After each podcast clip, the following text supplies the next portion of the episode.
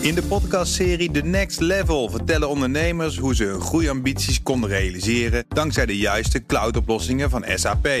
Wat waren de uitdagingen, de oplossingen en hoe ging de uiteindelijke implementatie? Benieuwd naar hun verhalen en hoe zij met behulp van SAP ook hun toekomstige ambities kunnen behalen? Luister de podcast The Next Level via de BNR-app of je favoriete podcast-app. Digitaal wordt mede mogelijk gemaakt door Incentro, een IT-bedrijf. BNR Nieuwsradio. BNR Digitaal. Herbert Blankenstein. Kijk nou eens even in de contactenlijst in je telefoon. De gegevens die je daar ziet, kloppen die nog wel? En wie heeft welke informatie van je? En zou je niet zelf kunnen bepalen wie welke informatie heeft over jou? Daarover gaan we praten met twee gasten. Marius van Vlijmen van iAddress, welkom. En Marcel van Galen van Key. Dankjewel. Welkom, dat schrijf je Q-U-I, sorry, Q-I-Y.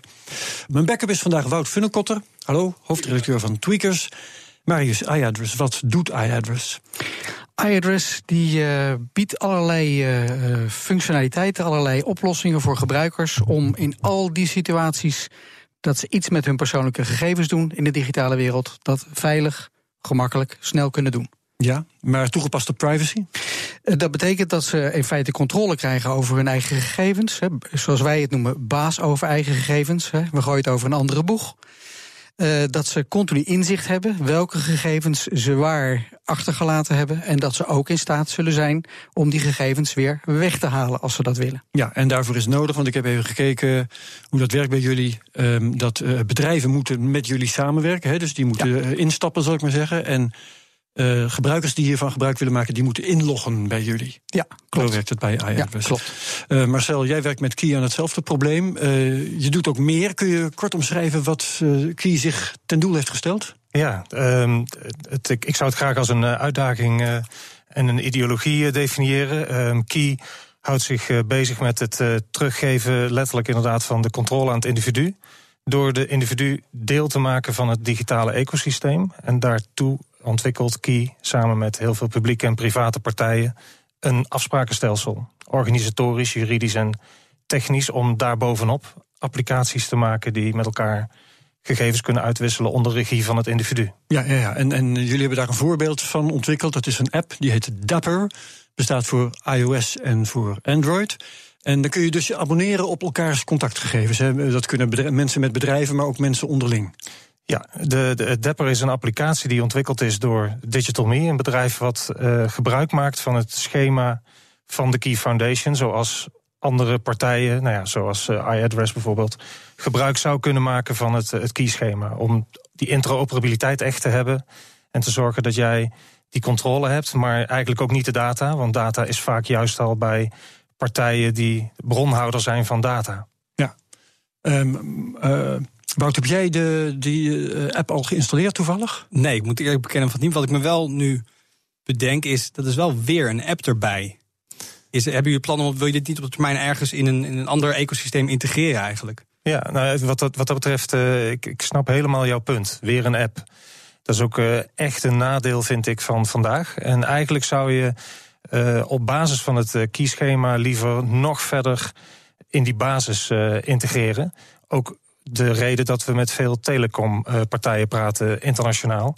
Omdat die natuurlijk een van de partijen zijn die de kans zouden hebben om het nog verder terug te brengen. Uh, nou ja, voor, voordat je aan de apps toekomt. Dat je in ieder geval goed kunt inregelen dat jij die controle over je data hebt. Ja, en kun je al bedrijven noemen die met jullie meedoen? Ja, nou er zijn uh, veel uh, members van de foundation die, die bijdragen met hun expertise en een stuk funding om het pre-competitieve werk uh, voor te krijgen. Die betalen er ook gewoon voor ja, om te mogen ja, meedoen. Ja. En uh, er zijn partijen die, uh, die, kun je namen noemen? die al geïmplementeerd hebben. Jazeker. We, hebben, nou, we zijn apetrots op het feit dat Egon er gebruik van maakt. De, de veilige verbinding met jouw dossier kun je doen via, via Dapper. Maar dat maakt dan weer gebruik van dat, uh, het kieschema. we zijn hard aan het werk met de, de Vereniging voor Arts en Auto. Om daar conceptueel te kijken hoe zij uh, de connectie met hun leden kunnen ja. verbeteren. En, en, hoe het dan gaat, is dat je dan kun je uh, bij een dergelijke partij inloggen uh, met die Dapper-gegevens. en dan heb je die knop in handen, kun je zelf bepalen wat voor gegevens ze van je krijgen. Ja, je, bent zelf, je, bent, je zit zelf aan het stuur. Ja, en zou ik dan ook mijn gegevens weer terug kunnen trekken op een gegeven moment, als ik niet meer wil dat ze het hebben? Ja, en dat, dat, dat is dan eigenlijk de, de juridische laag in het, in het schema. Dus de partij aan de andere kant abonneert zich als het ware op jou. En dat doet hij niet alleen technisch, maar dat doet hij ook juridisch. Dus die houdt zich, die is zich verplicht te houden aan die stelselafspraken. Marius van Vlijmen, consumenten hebben zo weer controle over hun gegevens. Bedrijven weten zeker dat de gegevens die ze hebben ook kloppen. Maar de laatste tijd hoor je toch meer dat bedrijven het liefste heel veel data hebben. Eerst verzamelen en dan pas vragen stellen. Ja. Dus kost het bedrijven geen moeite om die controle uit handen te geven? Uh, ja, dat is zeker het geval. Uh, het is natuurlijk een hele grote vertrouwenskwestie aan beide kanten. Uh, dus uh, bedrijven zitten het liefst op hun eigen data en willen dat zo min mogelijk delen of bij anderen in handen geven. Dat speelt hier ook een en rol. hebben ze daar gelijk in of uh, benadelen ze zichzelf dan eigenlijk? wij vinden dat ze daarin zichzelf heel sterk benadelen. omdat ze op dit moment altijd al een deel van hun data hebben die niet meer op orde is. En dat betekent Juist. dat daardoor dat heel veel. Dat kost heel veel geld. Daar hebben we wel eens wat berekeningen op losgelaten een, een business case voor de ANWB en voor KWF kankerbestrijding gemaakt. En daarin zie je dat er gewoon uh, bij dat soort grote organisaties uh, tonnen verspild worden. Ja, dus geeft de consumenten die knoppen in handen. Ja. Marcel, uh, jullie lijken nu concurrenten, zo oppervlakkig bezien. Maar als ik het goed begrijp, sinds de voorgesprekken voor deze uitzending, dan zouden jullie eigenlijk moeten samenwerken. Jullie waren ook net in een druk gesprek verwikkeld voor deze ja. uitzending. Inderdaad. Ja, ja nou, ik denk dat we daar heel erg over eens zijn. Hoe zou dat je, moeten gaan? Nou, kijk, ik, wat dat betreft, twee, dan moet je twee dingen even uit elkaar trekken. Dat is het schema, het onafhankelijke schema. Vergelijk het met een gsm-schema. Daar bovenop uh, zijn er allerlei providers die diensten kunnen leveren. Dat is de reden dat we geen zes en dat telefoons in onze schema, dat lever jij? Ja, maar dan ja. voor het uitwisselen van persoonlijke data onder jouw regie. Dat is puur het schema, dat is heel veel papier. Nou, partijen als, uh, als iAddress die, die kunnen dat, dat schema implementeren. En daarmee eigenlijk heel interoperabel worden. Dus als jij Dapper hebt en ik iAddress of, of andersom. Nou, dan zouden wij op die manier gewoon uh, uit moeten kunnen wisselen. Ja. Ik vergelijk dat heel vaak met het ideal systeem bij de banken. Ja, kan ook. He, de, de wijze waarop iedereen zijn eigen bank heeft, maar wel via ideal uh, een keus kan maken om zijn betaling te doen. Dat kan in feite in de uitwisseling van persoonsgegevens idem dito. Ja.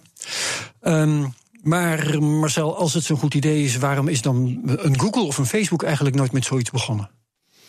Nou, ik, ik denk dat dat een stukje historie is. Ik, ik denk zelf, ik ben ervan overtuigd zelfs dat uh, het zo is dat uh, zeker ook nu met uh, de hele Europese verordening, de Algemene Verordening Gegevensbescherming, dat veel bedrijven zich realiseren vandaag, en ook in Europa, Google en Facebook, dat het steeds minder aantrekkelijk wordt om heel veel persoonsgegevens hebben.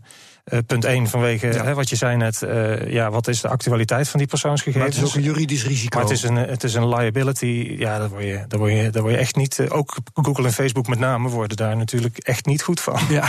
maar er is natuurlijk ook het risico dat mensen dan zeggen, we gaan minder aan jullie geven. En Facebook en Google draaien toch op gebruikersdata. Ja, nou kijk, wat het, het leuke is, op het moment dat je met elkaar leeft in een, in, een, in een keten van trust dan op een gegeven moment kun je ook veel meer en veel actueler uh, gegevens van jezelf okay. geven. Ja. Bedankt. Marius van Blijmen van iAddress en Marcel van Galen van QI. Graag gedaan. BNR Nieuwsradio. BNR Digitaal. Jubelverhalen over de zelfrijdende auto zijn er legio. Maar sceptische geluiden, die hoor je minder, maar ze zijn er wel. Hoe ziet de auto van de toekomst eruit? Uber test al zelfrijdende taxis. Ford wil binnen vijf jaar zelfrijdende auto's maken. En Google is al jaren bezig met een autonoom rijdende auto. This is completely absurd. Dat zegt Bob Poole van de Reason Foundation, een Amerikaanse libertarische denktank gevestigd in Los Angeles. Poole is sceptisch als het gaat over de zelfrijdende auto. Skepticism is coming partly from uh, researchers, serious researchers at UC Berkeley, at Carnegie Mellon, at MIT, who say this is a much harder problem than a lot of people, including Elon Musk, uh, make it out to be. En daar is de uithaal naar Elon Musk, de man achter Tesla. Bob Poel denkt dat zelfrijdende auto's op de snelweg wel gaat, maar. In ordinary driving on congested city streets with construction zones and a thrown ball darting Right. into the road, and all this, this is a very hard artificial intelligence problem to solve. And it has to be done in an extremely reliable way. En ga maar eens na, als je onderweg bent, hoeveel bijzondere en niet reguliere situaties kom je zowel tegen op de weg in zeg maar een jaar rijden. The head of Google X's autonomous vehicle project was quoted saying that this problem for all kinds of driving purposes in all kinds of environments is orders of several orders of magnitude. An order of magnitude is a 10 tenfold increase, so 100 or 1000 times more complicated than driving on the interstate. En ook voor vrachtwagens zit het toch lastiger dan gedacht. You're going to need a driver to uh, be making deliveries, uh, picking up and dropping off stuff, and so forth. I think uh, for a long, long time. Momenteel bezitten veel mensen nog een auto en die auto staat het grootste deel van de tijd stil. Ook dat zal nog wel even zo blijven, denkt Poel. People like the option value of having the car always available when whenever something occurs that you want the mobility. The idea of mobility as a service replacing so shared vehicles, robotaxis potentially could could replace all personal vehicle travel. But that's a huge debate within within the AV community. Nobody has a clue. What's the percentage, let's say once we have fully full robotaxis that can go anywhere anytime, what fraction of people will choose to own an autonomous vehicle versus to use mobility as a service? We gaan immers ook niet allemaal bij elkaar in huis wonen terwijl één persoon het huis bezit. Overigens, als die robottaxi er is, dan gaat dat wel gevolgen hebben voor het openbaar vervoer. If you have door to door trip possibilities from a robotaxi without the cost of the driver, which is the largest single operating cost in any transit system, this upends the whole apple cart. And so when I see places like Seattle, the voters just approved something like a $50 billion plan to expand their light rail over the next 30 years. I mean, it, well into the time frame when we are likely to have robotaxis in at least part of the transit market and eventually the entire market. This is completely absurd.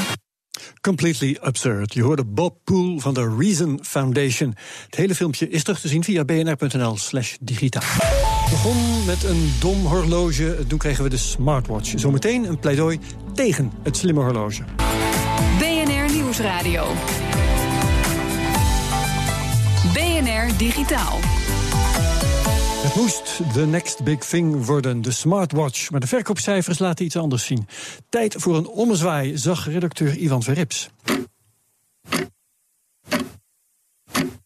Zo klinkt een horloge al lang niet meer. En nou ja, dat is misschien maar goed ook. We hebben natuurlijk tegenwoordig de smartwatch. Smartwatch 2 is the latest Android enabled smartwatch designed to impress and built to perform.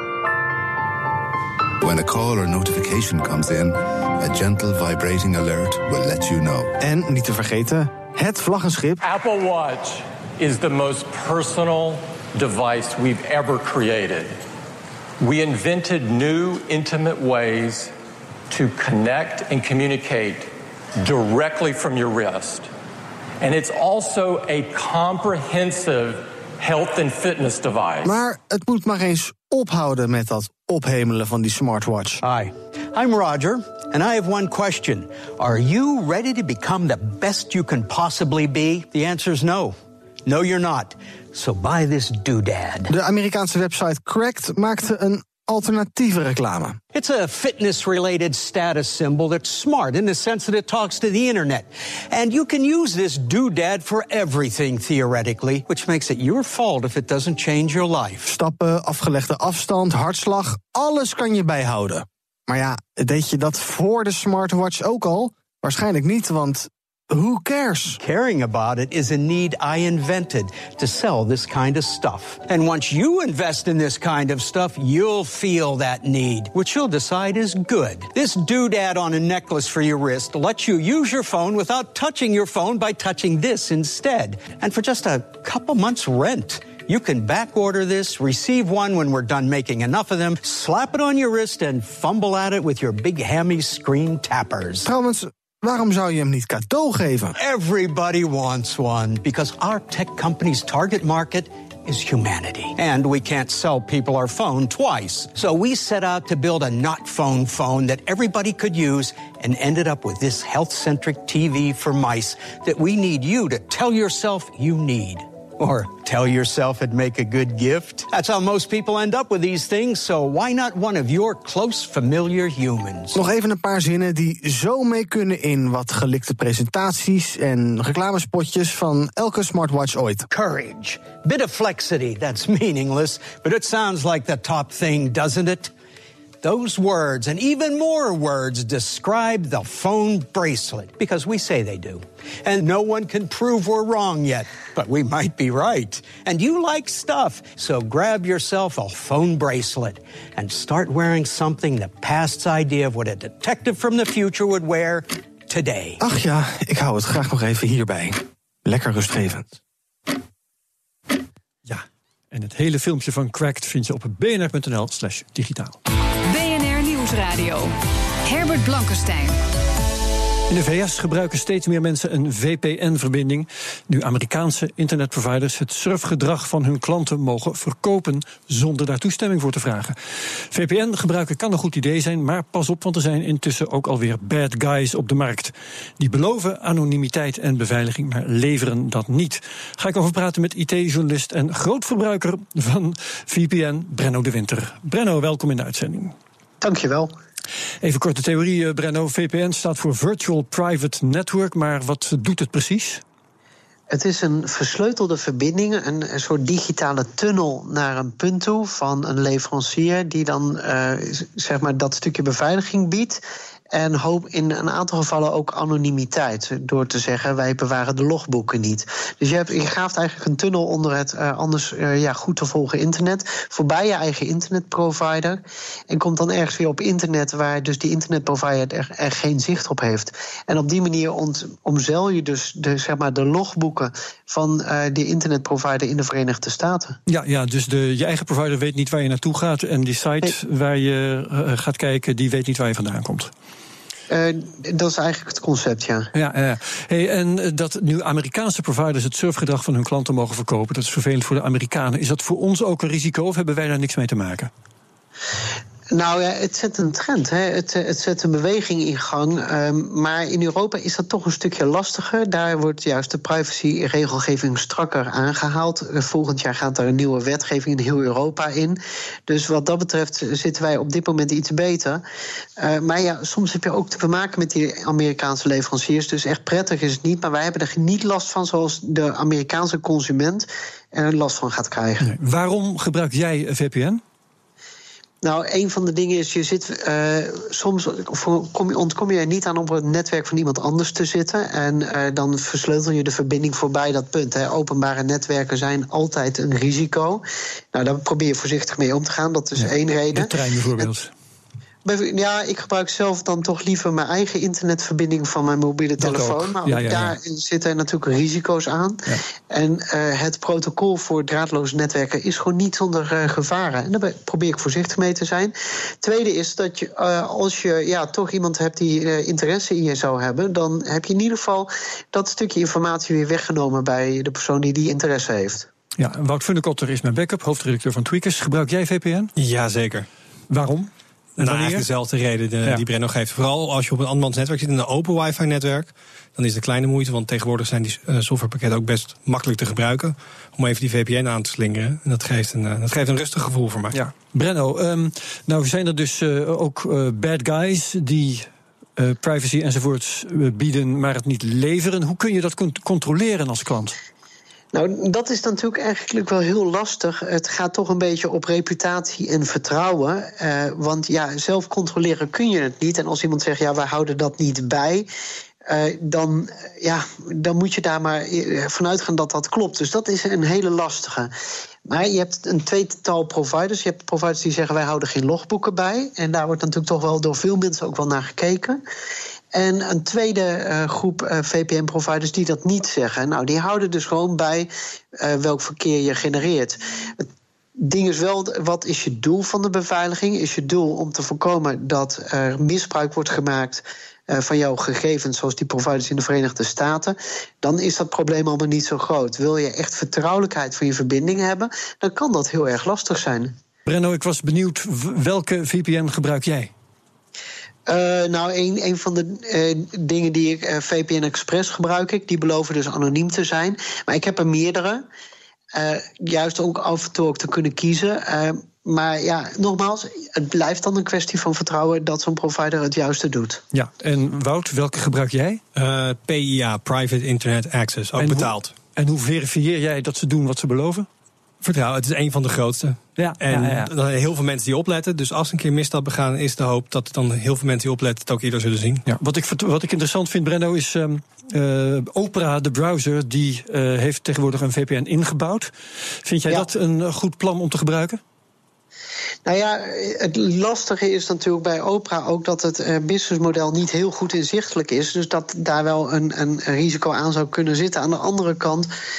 Um, er zijn een enorme risico om, uh, om, hun reputatie kwijt te raken. Dus het is ja. niet heel gelukkig als zij uh, misbruik ervan zouden maken. En Opera is natuurlijk wel een speler die we inmiddels al een eeuwigheid kennen op internetgebied. Dus als je de zelf denkt, deze club die loopt een gigantisch risico als ze niet doen wat ze beloven, dan is er best wel een kans dat ze betrouwbaar zijn. Ja, maar je zult altijd moeten beseffen dat als je iets op internet doet, het nooit helemaal zonder risico gaat zijn. Wat heel belangrijk is, is dat je zelf voor ogen hebt, wat wil ik met die verbinding bereiken. En uh, dan de partij te zoeken die het best aansluit bij je plannen. Oké, okay, dankjewel Brenno de Winter. Ben je zelf op zoek naar een VPN-verbinding op bnr.nl slash digitaal... vind je sites die de aanbieders vergelijken. BNR Nieuwsradio. BNR Digitaal. Vroeger konden computers vragen beantwoorden met ja of nee. Nu beantwoorden ze veel ingewikkelde vraagstukken, zijn de antwoorden ook complexer. En we weten soms niet eens hoe die antwoorden tot stand komen. En dat is een probleem, ontdekte redacteur Ivan Verrips. Machines worden steeds slimmer. Of nee, machines zijn al heel slim. Nowadays, there are computational systems that can suss out emotional states. And even lying from processing human faces. Je hoort Zeynep Tufekci. Zij noemt zichzelf technosocioloog, onder andere verbonden aan de University of North Carolina en Harvard. In haar jonge jaren maakte ze zich zorgen om ethiek in de wetenschap. En dus koos ze voor de computers. Want ach, daar heb je toch nooit met ethiek te maken. Nowadays, computer scientists are building platforms that control what a billion people see every day. Ai. They're developing cars that could decide who to run over. It's ethics all the way down. We laten machines beslissingen maken. Vragen waar een ja of een nee op komt. Maar ook nieuwe soorten beslissingen. Subjectieve beslissingen. Recently, in the past decade, complex algorithms have made great strides. Volgens Tufekci staan we op een keerpunt in de geschiedenis. De motivatie van dit soort beslissingen is namelijk niet meer te doorgronden. Computers zijn dingen zelf gaan bepalen. They can decipher handwriting. They can detect credit card fraud and block spam. And they can translate between languages. They can detect tumors and medical imaging. En daar komt machine learning weer om de hoek kijken. Computers bekijken gigantische hoeveelheden data en trekken daar zelf conclusies uit. Now the upside is this method is really powerful. The downside is we don't really understand what the system learned. Als het fout gaat, hebben we een probleem. Maar als het goed gaat, hebben we wellicht ook een probleem. Want hoe weten we wat fout en goed is als de computer het bepaalt? Denk bijvoorbeeld aan een machine die gaat over je personeelsbeleid. Wie moet je aannemen en wie niet? Such a system may even be less biased than human managers in some ways. But it could also lead to a steady but stealthy shutting out of the job market of people with higher risk of depression. Such hidden biases in black box algorithms that researchers uncover sometimes, but sometimes we don't know, can have life altering consequences. Machine intelligence can fail in ways that don't fit error patterns of humans, in ways we won't expect and be prepared for. Mensen maken fouten. Daar kan je naar vragen. Die kan je boven water halen. Als computers dat soort fouten gaan maken, hebben we een veel groter probleem. We cannot outsource our responsibilities to machines. We need to cultivate algorithm suspicion, scrutiny, and investigation. We need to make sure we have algorithmic accountability, auditing, and meaningful transparency. En dus is de conclusie: Yes, we can and we should use computation to help us make better decisions. But we have to own up to our moral responsibility to judgment and use algorithms within that framework, not as a means to abdicate and outsource our responsibilities to one another as human to human. Machine intelligence is here. That means we must hold on ever tighter to human values and human ethics. Thank you. De hele TED-talk van Zeynep Tufekci duurt ongeveer een kwartier. En die kan je bekijken op bnr.nl slash digitaal. BNR Digitaal wordt mede mogelijk gemaakt door Incentro, een IT-bedrijf. In de podcastserie The Next Level vertellen ondernemers hoe ze hun groeiambities konden realiseren dankzij de juiste cloudoplossingen van SAP.